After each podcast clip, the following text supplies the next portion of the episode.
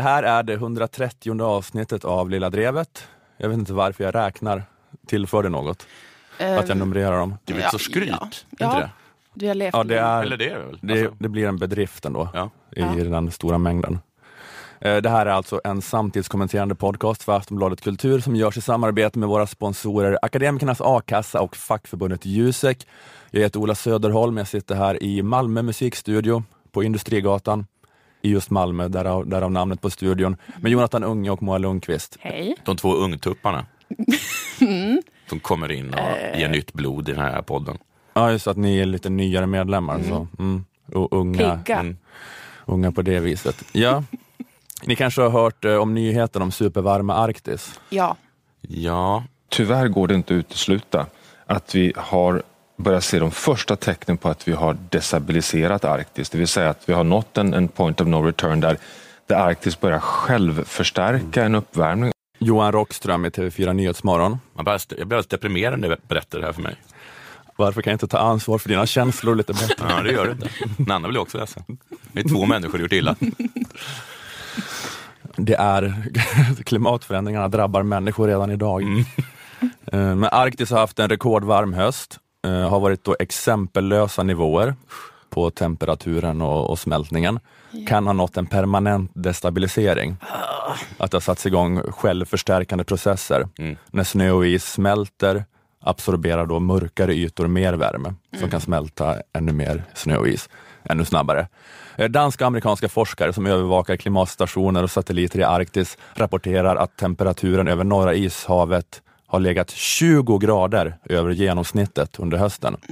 Mycket. Det låter ju jätte, jätte, jättemycket. Snart får de kanske döpa om ishavet till havet. Comedy! Am I right? Don't leave me hanging. Mer plats att bada på. Så kan man tänka. Vi behöver ju ett nytt namn på ishavet ändå. Ja. Det kommer vara ett sånt mäktigt monument över liberalismen. Just det. Vad sägs om den enda vägens politik, havet? Mm. TTIP-havet. Jaha, men vill ni ha det som i Sovjet då, eller havet? Det är mitt favoritnamn. Eller skitsamma att det här har hänt. Det viktigaste att komma ihåg är ändå att Fidel Castro faktiskt var en diktator, havet. Men alla liberaler är ju så jävla upprörda över att Donald Trump är klimatförnekare. Mm. Ja. Det är en av sakerna som alltid räknas upp. Och andra också. Och andra. Ja, men eh, alla med liberaler och sossar. Eh, Och det är en av sakerna som alltid räknas upp när man ska dra igenom vad som är hemskt med honom. Att han är eh, sexist och sånt och, och han är klimatförnekare. Ja. Det är mycket bättre med Barack Obama för att han tror på klimathotet. Det är så bra det här att han erkänner klimathotet och, St- erkänner. och det är väl det. Det är väl typ det. Det är där det stannar, att han erkänner det. Jag fattar inte att det erkännandet kan vara så viktigt. Om varje år är det året med mest utsläpp någonsin, om varje månad är den varmaste någonsin, spelar det då så stor roll att de som är ansvariga för utvecklingen erkänner att det är det som pågår?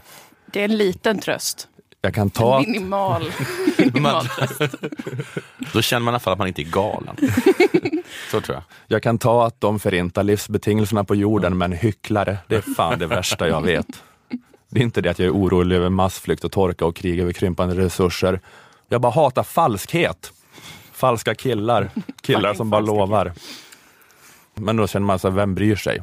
Vem bryr sig om det? Det här är ju materiell politik. Det är inte en frisörska från Östergötlands Tinder-profiltext. Som är vadå? Jag tror Att, på... att, att, man skriver, att man skriver att man hatar falskhet. Jaha, okej. Ja, jag vet, inte, fick inte till rytmen i det skämtet riktigt. Förstår det. Nej, men det, blir, eller det här blir lite fel resonemanget, för det är ju egentligen Obama och Stefan Löfven och alla andra kanske som är falska för att de erkänner det men inte gör något. Att klimatförnekare är bättre människor än oss andra. Mm, De köper en rak linje i alla fall. Alla lever ju likadant, Mm. men eh, klimatförnekare gör det i alla fall i god tro. De är alltså inte hycklarna. Ja, men Donald Trump är outbildad, Obama är ond. Det. Är väl ändå bättre att göra fel utan uppsåt jämfört med att veta vad man gör. Ja. Jag, jag tänker att Trump är som en sån här pakistansk kvinna som råkar döda sitt barn Mhm. för att hon ger den Nestlés bröstmjölksersättning. Hon var bara dåligt påläst om riskerna med Nestlés bröstmjölksersättning i ett land med dålig vattenkvalitet. Mm. Det var ingen illvilja. Nej. Hon trodde ju att hennes beteende skulle leda till att hennes barn inte skulle dö. Medan Obama är mer som änglamördaren. Han bara gör det, han vet vad han gör. Men om Nestlé står bredvid, står bredvid Pakistankvinnan och säger du, eh, använd inte den här produkten, för då kommer ditt barn dö. Ja, det här kanske komplicerar bilden lite. Ja, lite. Men det jag menar är att pakistanska kvinnan och änglamördaren, bådas beteende fick ju samma resultat, ett dött barn. Det är sant. Men man tycker väl ändå att pakistanska kvinnan är en mindre dålig människa. En änglamördaren ja. Så det är det Tycker jag. jag försöker bara säga här och leda i bevis att Donald Trump är en fattig, outbildad men godhjärtad pakistansk kvinna. Nej men det här handlar väl inte egentligen om att eh, Obama och Löfven är så onda egentligen. Eh, utan att det här då systemet vi lever i har en inneboende logik som gör att det är svårt att göra så mycket mer än att erkänna att det sker och sen titta på medan det sker. Så det kanske på sätt och vis då ändå är mer sympatiskt att erkänna. Få slippa känna sig galen. Ja, som ni sa. Men grejen med alla liberaler och sossar är ju att de erkänner och inte erkänner klimathotet. Eller man erkänner problemet och erkänner sedan i nästa andetag att man inte alls förstår problemet, just när man pratar om Trump. För i den här uppräkningen av allt som är hemskt med Donald Trump, han ska bygga en mur mot Mexiko, han ska förbjuda muslimer, han tror inte på klimathotet, så är det också alltid med, han är emot frihandel. Det är en del av den harangen. Det är så hemskt att han inte tror på klimatet och att han är emot frihandel. Så hemskt att han inte erkänner klimatuppvärmningen samt att han vill minska takten i den. Varför är han så? Varför är, han inte som en, varför är han inte som en vanlig människa som tycker att det är hemskt med fossila bränsleutsläpp men samtidigt tycker det är underbart att varenda del i varenda sak man konsumerar, mat, kläder, smartphones, har färdats tusen varv runt jorden i fossila bränslendrivna fordon. Varför har ni inte den kombinationen av åsikter som en vanlig människa? Den här helt normala, sansade, seriösa kombinationen av åsikter. Att säga sig vara för ambitiösa klimatavtal och samtidigt vara för frihandelsavtal som utöver då att ha som mål att maximera de fossila bränslendrivna transporterna över jorden också gör att regioner och länder som försöker bygga förnyelsebar energi blir stämda av oljeföretag för att de ägnar sig åt olaglig protektionism. Det är ju så man ska vara som en vanlig människa. tycker att de två man måste ju tycka att de två viktigaste frågorna just nu är att rädda klimatet samt försvara rätten att förstöra klimatet. Tycker man inte det, att det är det absolut viktigaste, att rädda och förstöra klimatet, så är man en tokig extremist. Har man inte den åsiktskombinationen, jag är en sån som är för att rädda klimatet och förstöra det, då har man inget i den sansade debatten att göra.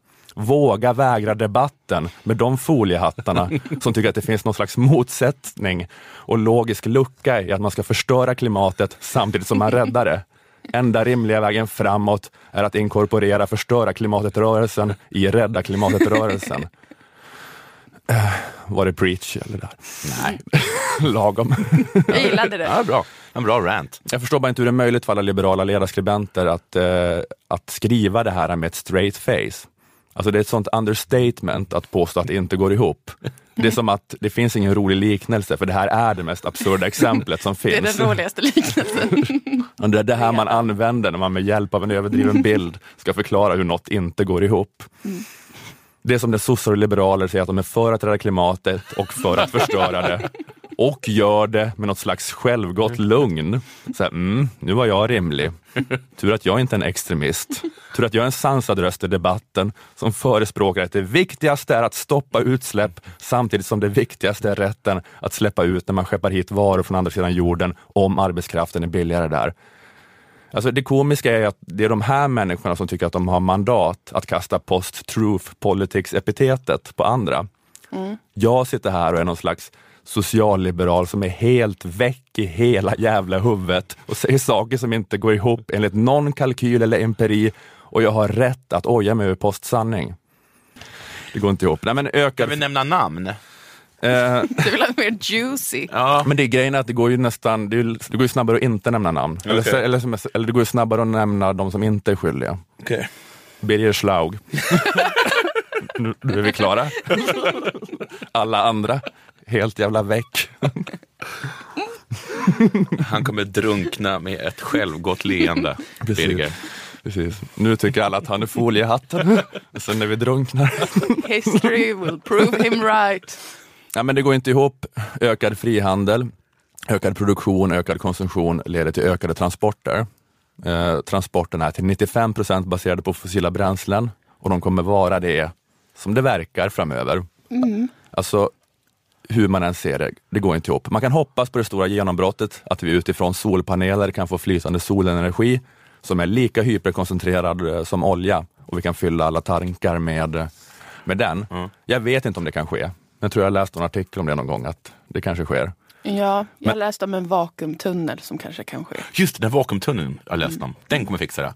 Hoppas, Och hoppas, jädrar vad fort det kommer gå. Att man bygger en vakuumtunnel typ under oceanen. Att tåg Ja. kan gå så. Tåget- Det kan, det kan gå... Ja, men jag skulle vilja se en kalkyl på hur många fossila bränslen som går ut i alla led av produktion, produ, produ, produktionen utav den Åh, Gud, jag vakuumtunneln. håller med alla liberaler, du är sjuk i Det huvudet. vad håller du på med Ola? Kom käften! Downer. Ta inte åt dig ledarsidorna på DN. Jag menar att även om de allra mest teknikoptimistiska har rätt, att det kan ske, eh, att det sker imorgon, Mm, fl- flytande solenergin, eller att det kan ske imorgon Mm. och, och att den då sen kan produceras lika billigt och i samma masskala som oljeutvinningen, att eh, all fossila bränslenutvinning ska upphöra, att sen hela fordonsflottan ska ställas om. Alltså alla de här stegen Mm. ska ju ändå ske, även om det här extremt hypotetiska genombrottet händer imorgon. Och tanken på att vi under tiden då bara ska fortsätta med den här expansion som enda överordnade principekonomin är Ja, att inte ens den här mycket hypotetiska kedjan händelser som ska kunna leda fram till att vi kan driva en ständigt växande industripark och fordonsflotta med flytande solenergi, inte ens den jätte, jätte hypotetiska kedjan av händelser hjälper oss ju om det är så att vi behöver en halvering av utsläppen igår. Ja. Att det, ja, Men om det är kört nu, då kan vi bara sluta upp med det här. jo, jo, det är väl det vi Det kan, gör. vara, det, kan vara, det kan vara så himla, det kommer vara det skönaste, att slippa höra såna här prator. Med. Ja. För att nu är det ju, nu är det ju kört och då behöver man ju inte ta upp det något mer. Kan vi Jag prata kan om? tänka lite att jag tycker att du har så, det du säger är så himla bra och och det är så himla rätt. Men visst framstår du också lite som en sån här person som bu- bummar en stämning genom att säga, ni vet att vi alla kommer dö. Varför sitter vi här och äter chips och dipp för? Justin Trudeau, Kanadas premiärminister, Som du hatar. snygga pojkbandspremiärministern. Ja, jag vet inte. Det, han, det, ja, jo. Men eh, han är väl, eh, han är, ju, han är kanske ett ännu värre exempel än Obama på postsanning-liberalismen. Det är bara sentimentala videos och känslor och floskler och innehållslöst fluff. Han är den som mer än någon annan försökt branda sig som någon äcklig jävla Aaron Sorkin-karaktär som bara är god och fantastisk. Jag ser vad det är. Illusion of democracy. Swastika eyes. You got swastika, you got swastika eyes. Justin Trudeau. Eh, men eh, han har såklart då accepterat Parisavtalet om klimatet. För att han är god och fantastisk. Och såklart godkände han i måndags byggandet av en skitstor oljepipeline tvärs över Kanada. Yeah. För att han är för att rädda klimatet och för att förstöra det. För allt annat än den kombinationen av åsikt är dårskap och oseriöst. Byggandet av pipelinen är i princip att Kanada drar sig ur Parisavtalet. Det kommer inte gå att leva upp till löftena nu. Eh, Men Trudeau gör ju inte det här för att vara taskig, utan för att det, som han säger kommer skapa 15 000 nya medelklassjobb. Systemet är som det är, ekonomin måste växa och det som möjliggör tillväxten är nästan inte alls solceller. Eh, Världsnaturfonden kom med sin Living Planet-rapport för en månad sedan typ. Den mäter ekologiskt. nu kommer det några goda nyheter, tänker jag. Det blir kul ändå. Positivt. Är det nyheten, eh, vad sägs om att börja med zeppelinare? Den mäter ekologiskt fotavtryck land för land. Ja. Om alla levde som svenskar eh, skulle det behövas så här många jordklot. Om alla levde som belgare skulle det behövas, ni vet, bla bla bla. Okej. Och i rapporten som kom för två år sedan var det, var det så här att om alla lever som svenskar skulle det behövas 3,7 jordklot. Mm. Inte så farligt man kan. Nu idag, om alla levde som svenskar, skulle det behövas 4,2 jordklot. Alltså ett halvt jordklot mer på två år. Oops. Nu i det här läget. Det är bara sånt, det är sånt jävla skämt. Och då har vi ändå börjat eh, källsortera. Vi har börjat källsortera och det blir sämre. Med urban gardening. Ja. Och ändå ska det inte räcka. Ja, men, alltså, jag menar, nu i det här läget när det ändå typ då alla erkänner att det absolut viktigaste är att bryta den här utvecklingen, så händer det här på två år. Att det, det säger så himla det säger, det säger verkligen allt om hur det här systemet inte har några verktyg för att lösa det problemet. Jag förstår liksom inte hur någon Jag fattar, inte, hur- jag fattar inte hur man orkar fortsätta låtsas, hur någon kan ha ett straight face. Nej. Och jag säger inte att man inte får vara liberal för det, Nej. eller sosse. Jag står bara inte ut med självgodheten. Nej. Alltså jag tycker att vi kommunister är bättre, för vi vet ju i alla fall om att vi har fel. Ja. Men tycker att För här, folk säger så här, hallå det är ju fel att vara kommunist, du kan inte vara det. Man bara, ja, jo, jag vet, men nu, nu är jag det.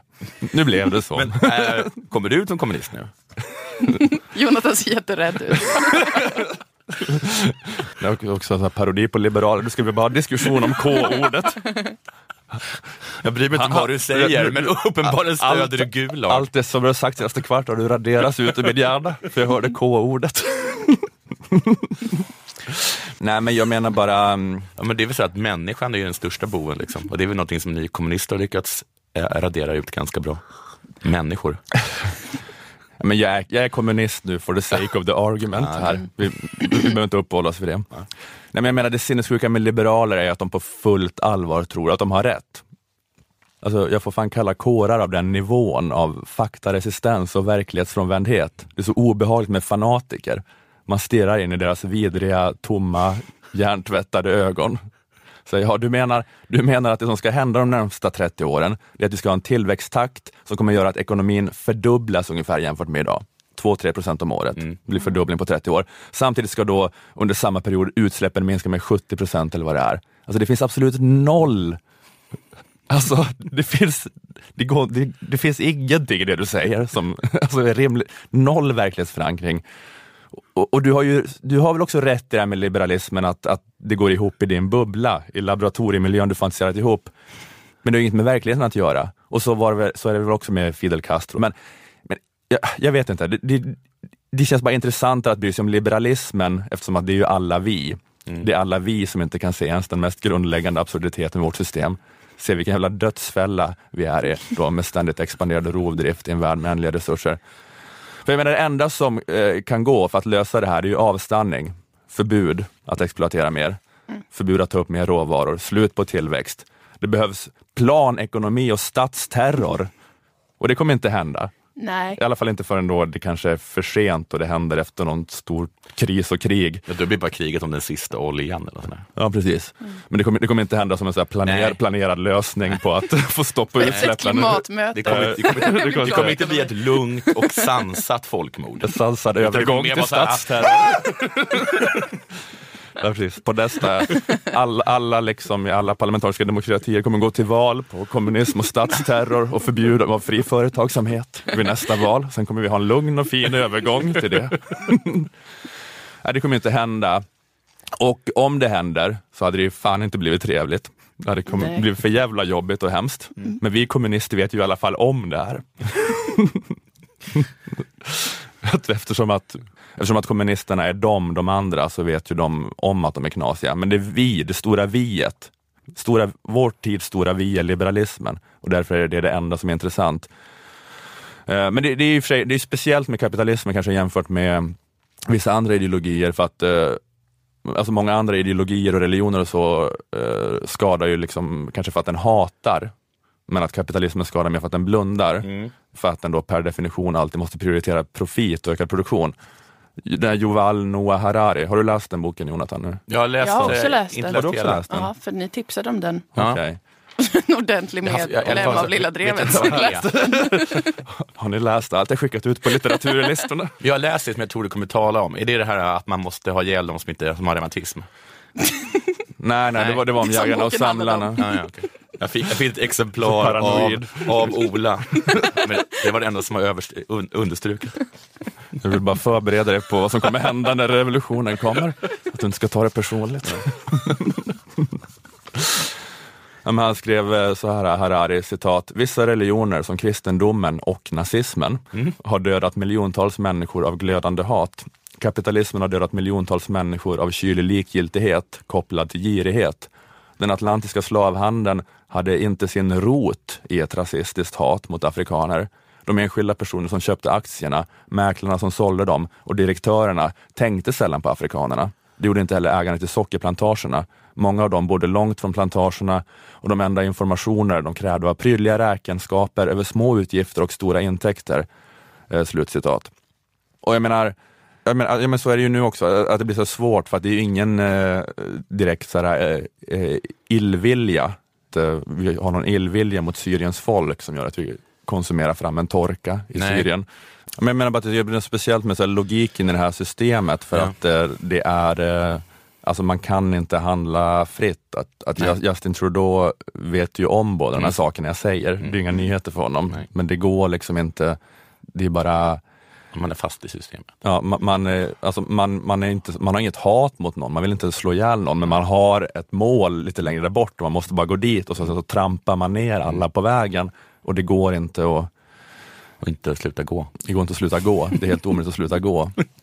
Man måste gå. Utan det bara, vi lever efter bara en överordnad princip som eh, eh, inte går ut på att göra och producera det som jorden och människorna behöver, utan bara att producera det som ger vinst.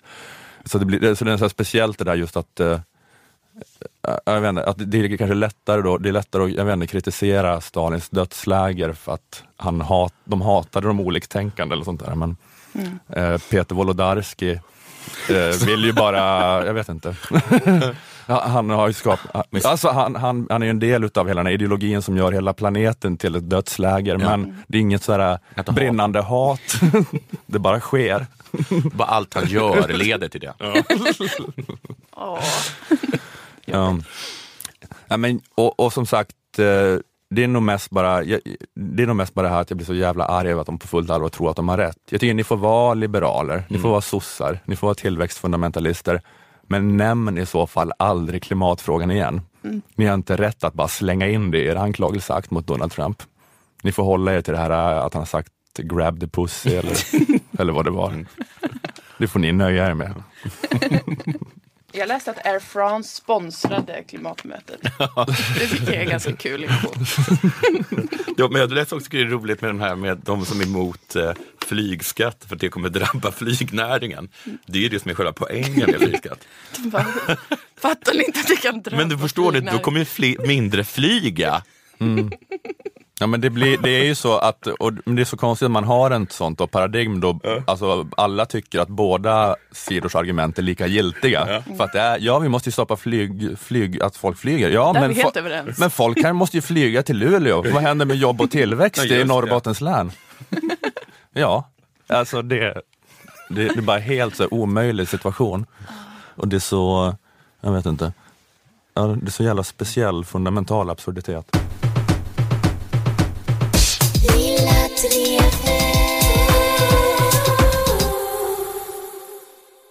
Jag tänkte tala om Gellert. Tamas. Eller, ja, Vilken Gellert, frågar ni er inte.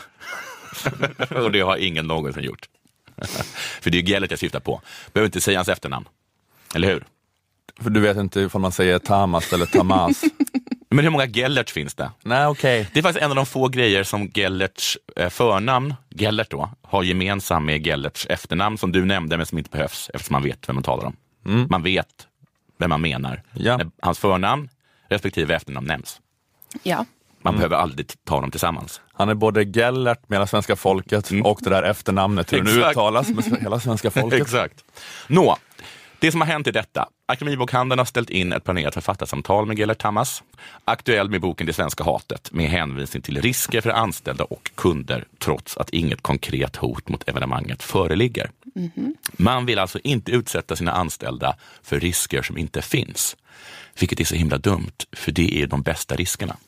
De som inte finns. De som får en att framställas som lite cool, fast man vet att det inte är någon fara. Ja. De vill inte utsätta dem för risker som inte finns. Nej, de eh, hänvisar till att de eh, ställer in det här samtalet med, eftersom, med risker för anställda och kunder. Men det finns inget hot. Nej, nej, okej. Just det. Så då är alltså det en risk som inte finns. Nej. Och det ser Akademibokhandeln som ett problem. Jag ser det som det bästa som finns i hela världen. Det är som att hoppa bungyjump. Man ses som cool, men själv vet man ju att det är ju hur lugnt som helst. Jag sitter ju fast i ett rep. Akademibokhandeln hade kunnat framstå som såna hjältar genom att säga Gellert får prata hos oss och alla bara wow, applåder och Akademibokhandeln bara slickar i sig allt beröm med en pillemarisk min då hen tänker på att det inte finns något konkret hot. Så det var ingen fara. Men hade folk tänkt på det då? För att alltså, Man hotet, kunnat- hotet har ju bara fantiserats ihop nu Man Akademibokhandeln. och säga Jag hade först. kunnat det säga kan- det så här, får tala hos oss. Och alla bara, va? Trots allt får Trots göra det. risker. Men det är kanske är det de håller på att sätta upp för nu. Att först, nu pratar de om riskerna, så säger de vi gör det i alla fall ändå, för vi älskar yttrandefriheten. Fast då borde Trots de- de här riskerna vi har hittat på, då tänker vi låta dem tala. Då borde de inte ha ställt in det, för då verkar de lite, Ja, just det. lite fåniga tycker jag. De Men bara- vad sägs om att Bokia går in och bara snor den här karamellen nu? Den här äh, risken utan risk. Det är för att eh, Gellert Tamas eh, har, alltså de bara tänker, han har skrivit en bok om svenska högerextremister och Ja. då kommer de komma dit och börja skjuta. Har de vi har, har de ett- fått en känsla av? Ja. Men sen så om de bara sätter sig lugnt och tänker efter så inser de att det finns ingen risk. Ringer DN säger Gellert får tala och bara hovar in all uppskattning. Får ha en bad boy democracy image. Hoppa, bungee jump, Akademibokhandeln. Ni sitter fast i ett rep. Det är som att jag tänker, eh, jag sitter här och i Malmö och gör en podd med en jude Ja, i precis. Malmö. Ja. Jag gör det Ja. för att jag tycker att det är så viktigt med mötesfrihet och Just det. yttrandefrihet. Du ställer ju inte in det. Nej. Men du kan börja prata om det mer på förhand. Vi har gjort en bedömning utav risksituationen här. Det är, eh, ingen har sagt att det ska vara lätt med yttrandefriheten. Lär er av Lilla Drevet, Akademibokhandeln.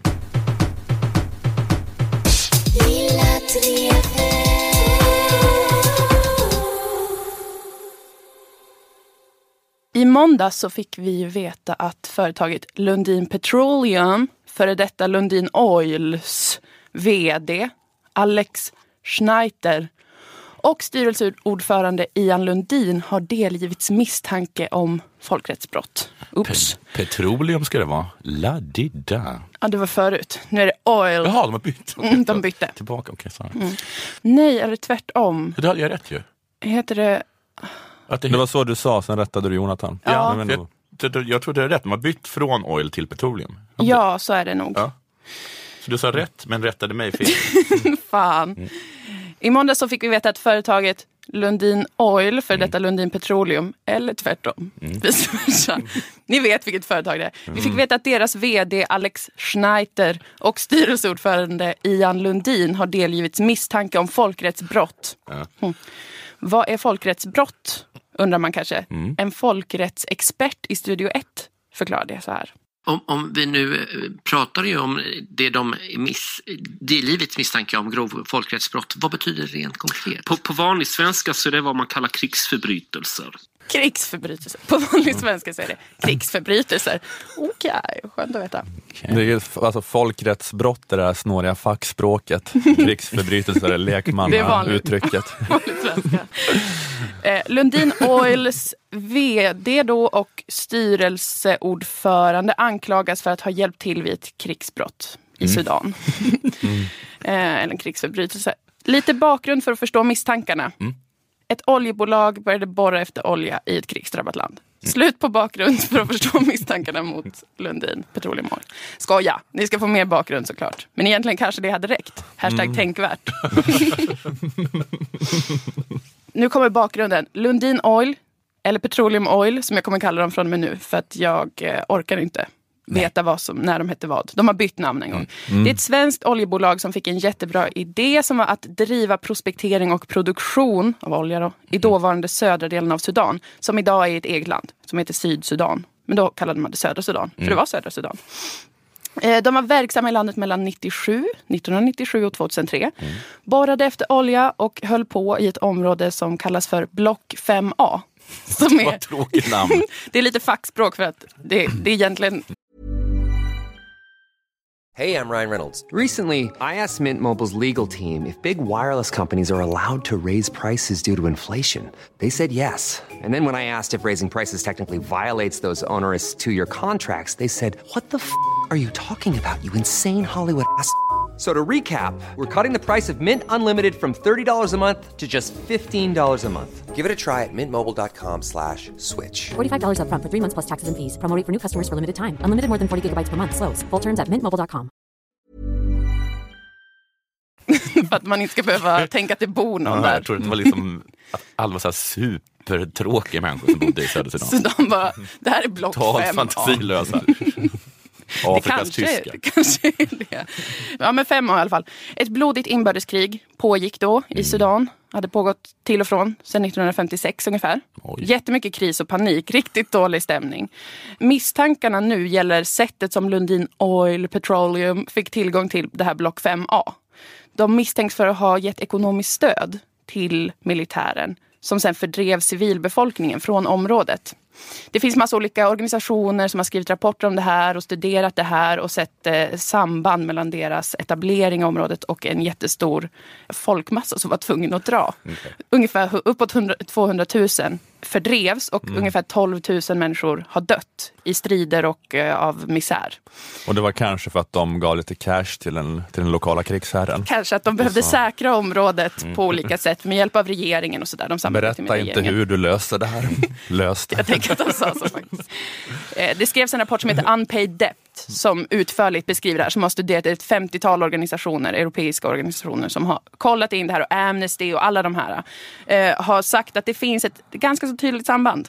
Skicka inte en rapport till Carl Bildt om hur du Nej. gjorde. Bara. Han har inte läst den. Ring inte upp och berätta.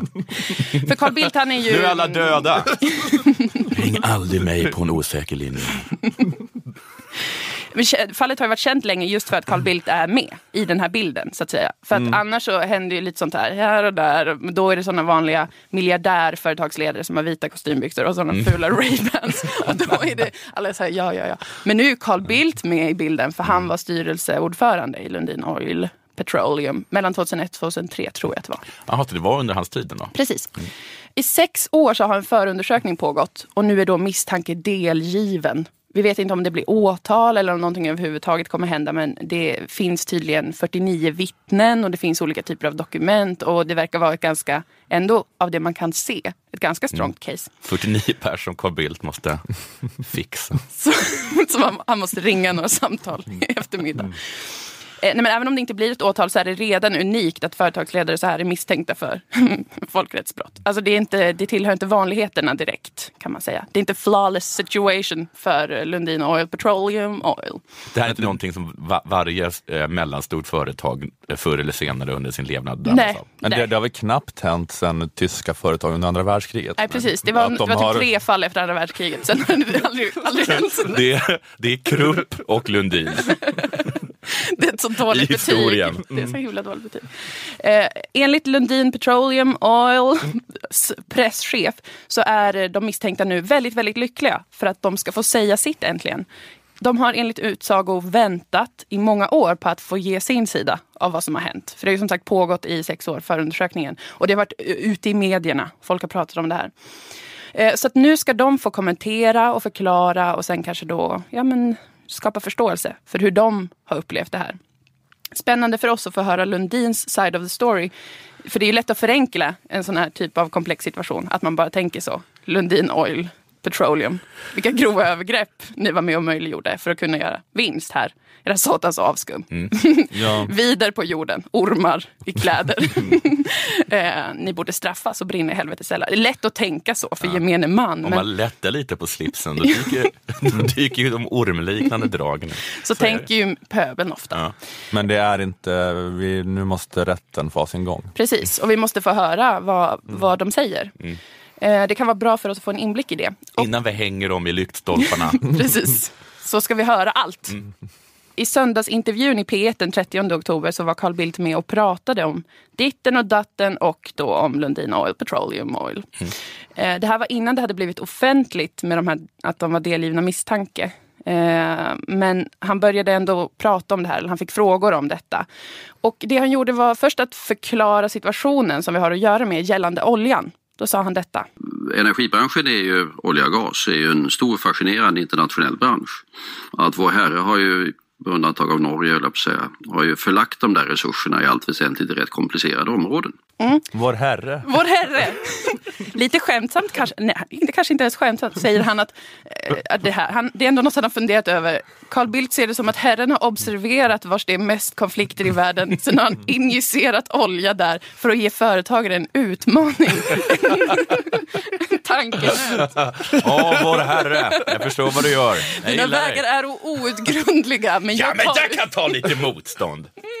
Det Herren är- älskar det att se, se vd och styrelseledamöter, ordföranden knäcka olika typer av kluriga oljesituationer. Carl Bildt ser ett krigsdrabbat område bara when the going gets tough, tough gets going.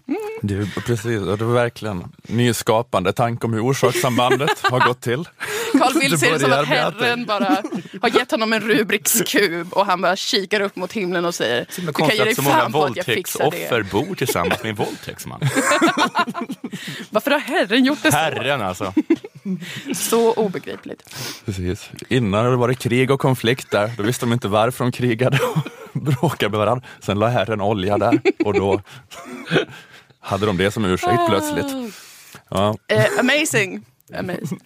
Carl Bildt berättar sen att hans beslut att sätta sig i styrelsen för Lundin Oil Petroleum, Oil Petroleum baserades på hans starka önskan om att göra skillnad. För han fick en fråga så här, varför just det här företaget? Det är en smutsig bransch, det är ett krisdrabbat område. Eh, och då så förklarade han att det beror på hans starka önskan om att göra skillnad. Du kan sitta hemma vid köksbordet och göra uttalanden om världen. Men om du inte är beredd att ge dig i kast med svårigheterna ute i världen så kommer du aldrig att åstadkomma någonting. Vissa, vissa snackar bara. Vissa snackar bara, man kan sitta hemma vid köksbordet och bara snacka. Eller så blir man styrelseordförande i ett oljebolag som etablerar sig i krigszoner och gör skillnad. Man kan sitta hemma eller så kan man försöka göra skillnad och det försökte Lundin Oils Petroleums.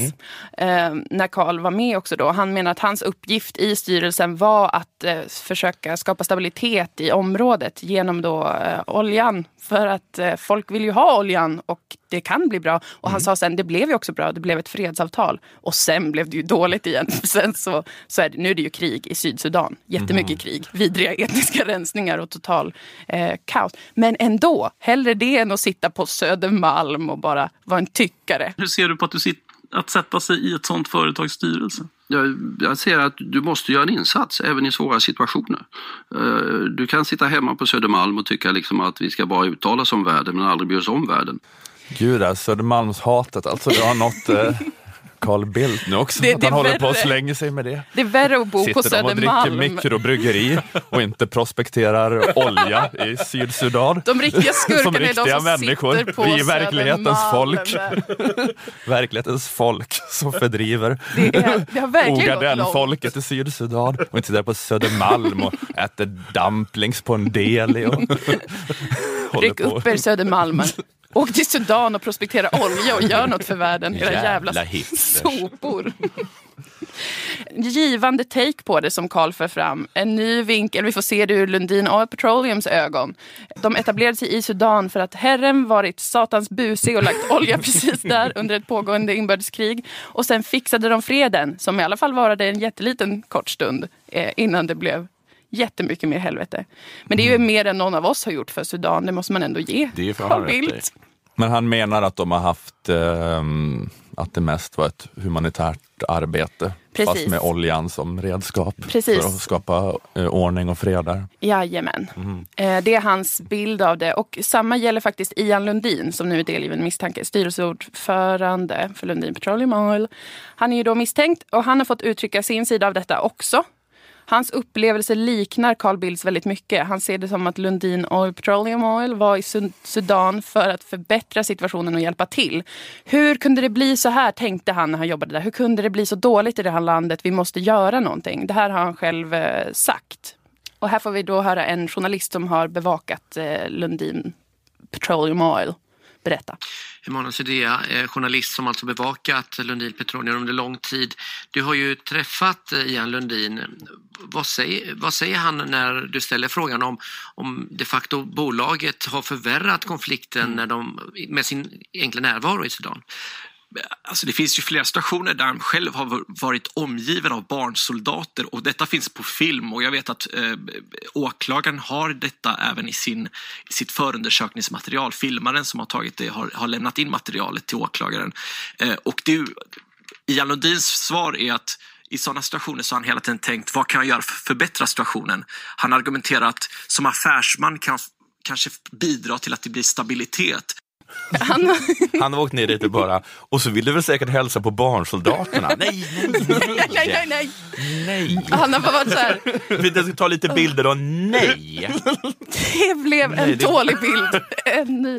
Han har stått och bara, nu när jag står här omgiven av tungt beväpnade tolvåringar, då känner jag bara, how do I reach these kids? Kanske genom att låta, låta dem leka igen som barn ska, eller genom att borra upp tusentals fat olja, och det blir det senare. Det blir det, men ändå. Så har han tänkt, Ian. Det här var en bad fucked up.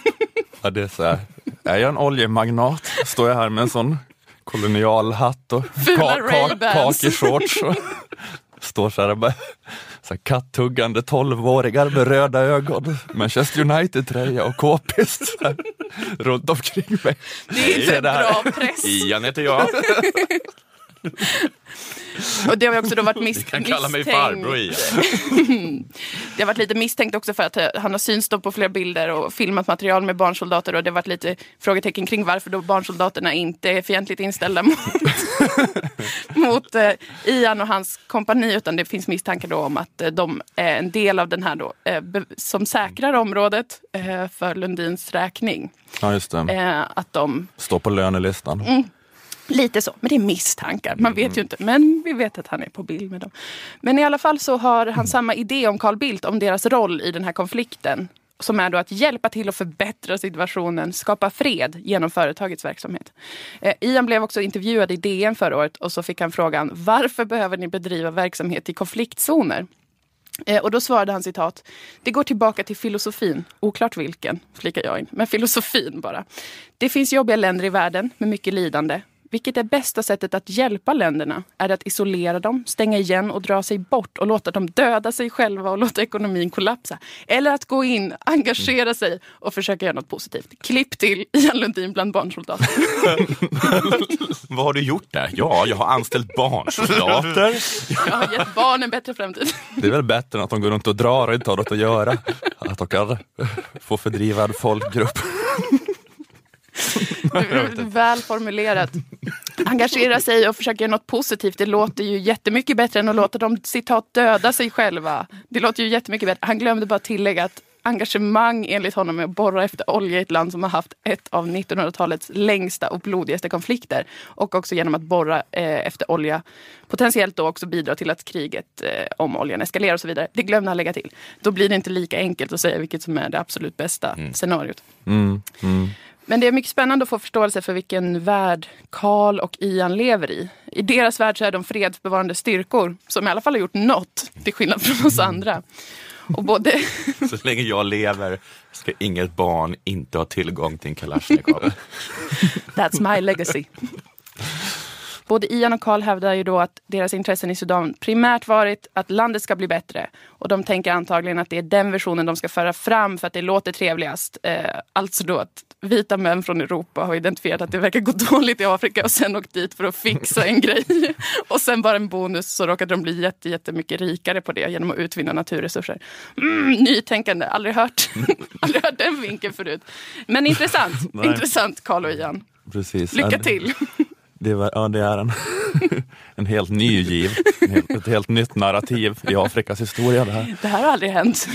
Men det är väl väldigt, alltså, alltså jag har hört om det, alltså, även alltså andra oljeföretag tycker ju att Lundin är, eh, alltså att de är i en verkligen sån skurkliga, att de Mm. alltid går in i de mest så här, eh, konfliktfyllda situationerna. För att också sånt som är lite sent på, det finns de här stora oljeföretagen som har prospekterat på de lättillgängliga områdena och så vidare. Mm. Men Lundin är ett sånt som går där det är svårt för att det är det som är över. Ja, och de har också gjort det till sitt, sitt företags grej, att de hela tiden pratar om hur de som företag är äventyrliga och de ser möjligheter där andra inte gör det och så vidare. Det så ju- att det är en del av hela deras eh, företagskultur nu. De har gjort det till det. då är det alltså oljeföretag. Andra oljeföretag tycker att, exakt. Det är inte- att Lundin Oil är, är lite skabbiga. Det är inte Christian Aid som har sagt Nej. det.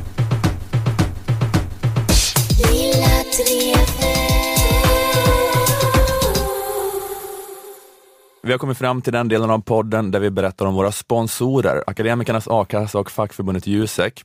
Man kan säga att Akademikernas a-kassa, det är ett gott gäng på 700 000 akademiker som Trevligt. tillsammans skapar trygghet genom hela arbetslivet. Gå med i gänget, vet jag. Det enda du behöver göra är att betala en medlemsavgift på bara 100 kronor i månaden och då får du upp till 20 000 i månaden när du står utan jobb. Akademikernas är för dig som har eller är på väg att ta 180 högskolepoäng, alternativt 120 poäng med det gamla systemet. Pluggat tre år blir det väl. Eh, Läs mer på akademikernas.se om hur du gör för att gå med.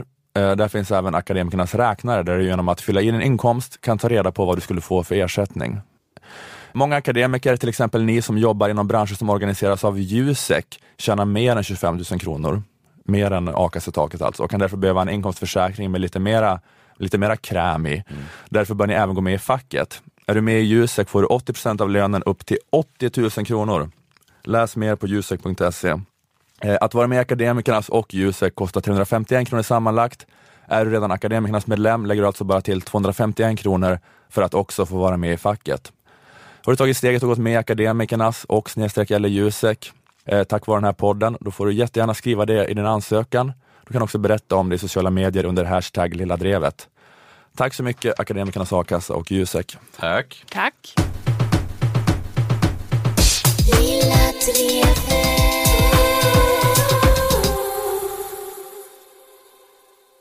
Öppet brev. Oj. Öppet brev är ett brev från en person till oftast en annan person. Där personen som skickat brevet efter att ha klistrat igen kuvertet plötsligt sprättar upp det, tar och publicerar brevets innehåll, oftast på Facebook. Mindre sällan men förekommande random kultursida. Mm. Öppna brev. Man brukar säga att det finns öppna brev och så finns det öppna brev. Det finns öppna brev som Jonas Hassan Kemiris inte skickade till Beatrice Ask 2013. Just om, om ras eller om Han ville byta, byta skinn med Byta Beatrice skinn. Ask. Om skinn. Och hade jag varit Beatrice Ask hade jag sagt ja direkt. Ja, gud, han har så himla... Jag vill, hellre, jag vill hellre vara den här överjordiskt snygga, geniförklarade författaren på Södermalm än någon hatad liten tant från Sveg. Faktiskt. Taget. Taget. Jonas, Jonas bara... Där fick han. Och så finns det öppna brev som det till Mikael Damberg från Svenska kyl och värmepumpföreningen om energieffektering. Berätta mer, säger Ola. Nej, det gör jag inte. Det finns öppna brev som... Har Mikael Damberg gjort det? Alltså? Nej, han har fått det från Aha. Svenska kyl och värmepumpföreningen. Det, det är som att det här öppna brev, stilgreppet funkar inte alltid för att skapa mer uppmärksamhet. Det finns vissa ämnen där det, det hjälper inte. Varför Du kallar publiceras det inte i DN? Det finns eh, tyska tidningen Bilds öppna brev till Putin och så finns det Karin Wallens öppna brev till sommaren. Okej. Det är inget fel på öppna brev, även om det känns lite som hämndporr. Helt okej liknelse. Man tar något djupt personligt och gör det till offentligt. Men öppna brev kan uppfattas som lite piniga, speciellt när svenskar skriver öppna brev till kända utländska makthavare. Ni vet att man ibland är i valet och kvalet om man ska ringa eller smsa. Ja. Det har ni säkert upplevt. Ringa eller smsa, ringa eller, smsa. Och så blir det nästan alltid smsa. Björn Ranelid var också i det valet och kvalet, men kom fram till bok. Jag tänker på Björn Ranelids öppna brev till George W. Bush 2007. Alltså ett brev som var en bok som mig veterligen inte översatts till svenska. Det tror jag är det absolut sämsta sättet att ta kontakt med George W. Bush. Skrev, skrev, skrev Ranelid en bok på engelska? Nej. Han gav honom en tjock bok med väldigt blommigt språk på ett okänt språk. Ja, den, den har inte översatt till engelska. Nej, Ja, just det. till George W. Bush. För han ville nå honom. Och nu har det hänt igen. Den här gången är det Jonas Gardell som skrivit ett öppet brev till, heter han Mark Zuckerberg? ja, Facebooks grundare. Precis. Och det har publicerats då på Expressen Kultur, tror jag det var.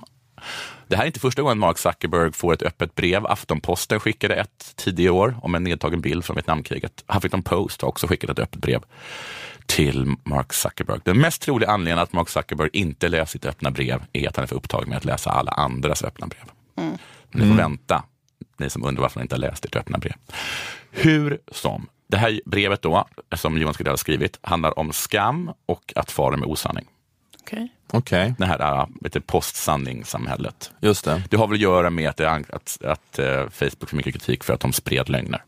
Just det, Eller de var en plats där bort- lögner fick De, ja, de tog plockar inte bort falska nyheter. Nej, De tog inget, att vissa ska börja ta redaktionellt ansvar för Just att eh, det bara var en stor grej av Trump-kampanjen, att det spreds fejkade Mm. nyheter. Och folk som har sådana logaritmer läste bara sånt. Och Mm. bla bla bla. Ja. Bra säkert, det här brevet och vad den vill. Men jag hoppar på livtåget här från förra, eh, från förra avsnittet. För i ett stycke om Trumps lögner skriver Gardell så här. Med Bibelns 2000 års gamla resonemang är en människa utan sanning en människa utan Gud. Trump är alltså en gudslös människa. Eller en gudlös människa är en skamlös människa. Och den som är skamlös kan göra vad som helst. Den skamlösa har inte längre några spärrar. Den gudlösa kan göra vad hon vill, för ingen har, ett ansvar, för ingen har hon ansvar inför. Få saker är därför farligare än en människa utan Gud Oj. och utan skam. Så då hoppar jag på tåget där som vi började med. Det här är verkligen en throwback medeltiden, tycker jag, över den formuleringen. visst, man kan tolka det välvilligt, men visst känns det lite unket. Ja, att, eh, ja, det är den här grejen att utan Gud ingen moral. Så Ja. att det är, eh, han kastar Trump under tåget och, Och eh, 80 procent alla av svenska andra. befolkningen. Ja, eller under bussen sen Ja, kanske.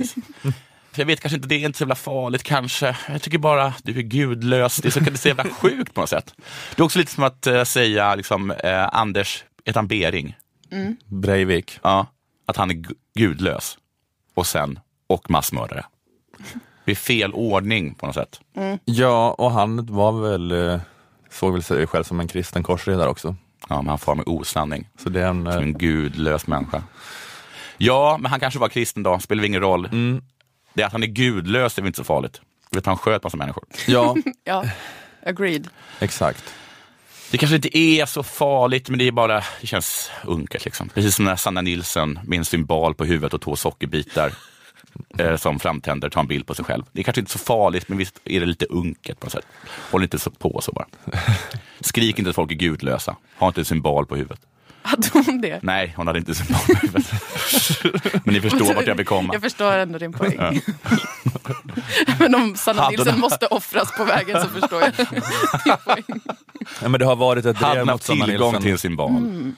Hon, men hon hade, men det var att hon, att hon spelade någon stereotyp asiat i någon sån Oscarsrevy eller något va? Ja, jag har redan, dragit, sen- jag har redan tagit det här i, i, Della, äh, i Della Art, men, Ja. men det, det, hon, hon menade att hon, hela liksom skämtet handlade om att så här får man inte skämta, ackompanjerat av en bild på henne.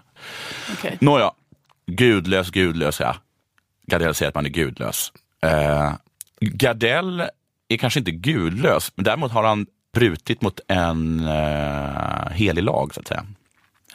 För att brevet är översatt till engelska, vilket gör att Jonas Gardell har gjort sig skyldig till hybris. Om vi ska börja gå efter Jag de vill- gamla, gamla reglerna och lagarna. Nu, ska, så- nu Karin Olsson, så ska jag publicera ett brev till Mark Zuckerberg. Och jag vill självklart också att ni anställer en översättare. Så att han kan läsa det. När han klickar sig in här. Mark kommer inte läsa det, eller Mark. Inte Mark heller. Och ingen annan engelsktalande person heller.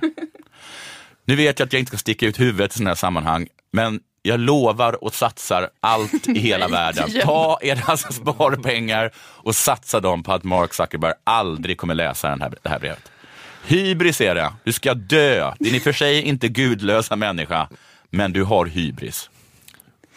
Det kommer släppas lös eh, 100 000 gräshoppor över dina ägor Ja, det kommer jag. för att du har drabbats av hybris. Kalla mig gudlös, va? Ja, det är jävla konstigt att, ja, att det var det som var grejen med Trump, att han är gudlös. Ja. Men han har, att Gardell har kanske radikaliserats de senaste veckorna. jag, han, men jag tror faktiskt att han, han, han har verkligen gått tillbaka till som en liksom klassisk liksom, liksom dömande eh, kristendom, tycker jag. Mm. Osande. Han hade, han, det var ganska länge sedan som Aron Flam blev galen över, med rätta, att, eh, att Gardell gjorde det liksom klart att man kan inte kalla sig jude man tror på Gud och sådana saker. Att Gardell plötsligt ska sätta på sig rabbinatets hatt. Han kanske försöker skapa ett yra. buzz kring kristendomen. så att fler ska kolla på Tro, hopp och kärlek nästa säsong. De, de Mark eh, programledare. Conspiracy. Precis. Det är så här, hur ska Mark kunna få ett jobb 2017 om det inte blir förnyat en säsong till? Mm, ja, jo, precis. Alla ska ju betala hyran och få mat på bordet. Man gör vad man måste göra. Så är det, så är det. Om det krävs så skriver jag ett öppna, öppet brev. Så. Vem är jag att döma? Då får vi göra det, Mark. Vad gör mig till åtlöje?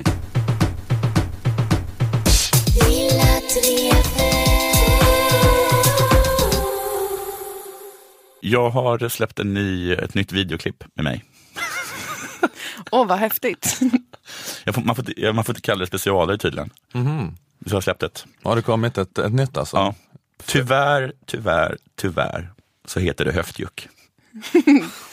Det är Aron Flam som har döpt det, tror jag, för att jag ska känna obehag och skam när jag gör reklam för det. Men gå gärna in på Youtube, Aron Flams eh, Youtube-kanal, ni kan bara youtuba det, och eh, kolla på mitt klipp Höftjuck eh, och swisha om ni vill. Ja, Mm. låter bra. Mm. Jag kan säga att jag och Dilan eh, gör vår föreställning i Umeå den 7 december nästa vecka. Vad På heter den? studion. Det nya tråkiga. Det är samma som... Samma Mycket som bättre titel. Den heter Höftjuck. Så kom gärna då om ni är i Umeå. Tack Aftonbladet Kultur, tack Akademikernas A-kassa och fackförbundet Jusek. Tack Malmö musikstudio för att vi fick spela in här. Mycket trevligt. Är ni nöjda nu? Ljudnördar som drivit oss hit. Malmömusikstudio.se ifall ni är intresserade av att komma i kontakt och ta del av deras tjänster. Eh, Okej, vi som gjorde programmet heter Ola Söderholm, Moa Lundqvist och Jonathan Unge. Vi hörs igen nästa vecka. Hej då! Hej då!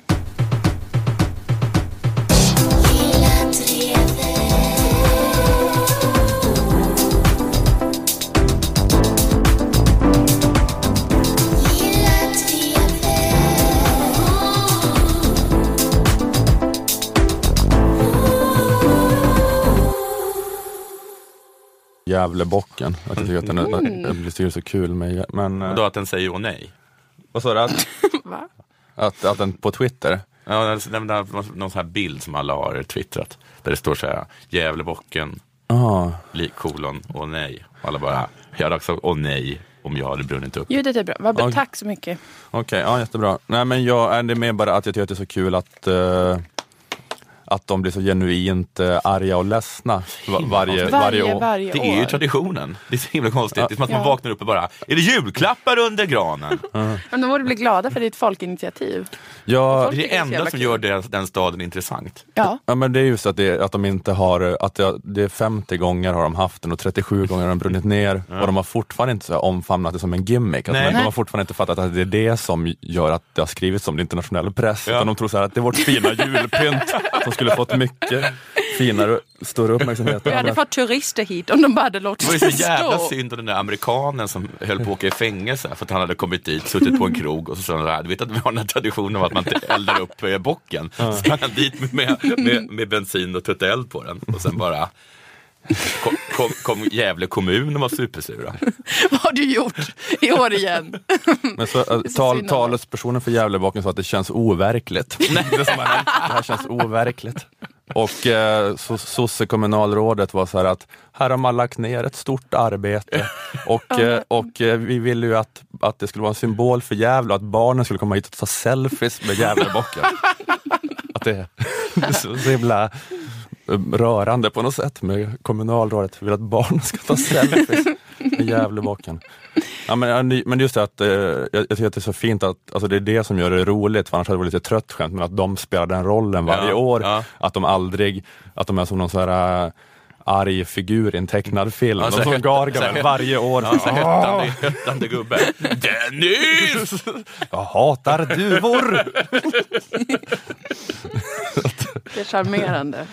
Mm. Ja precis, de har inte liksom eh, försökt eh, göra en marknadsföringsgimmick av det.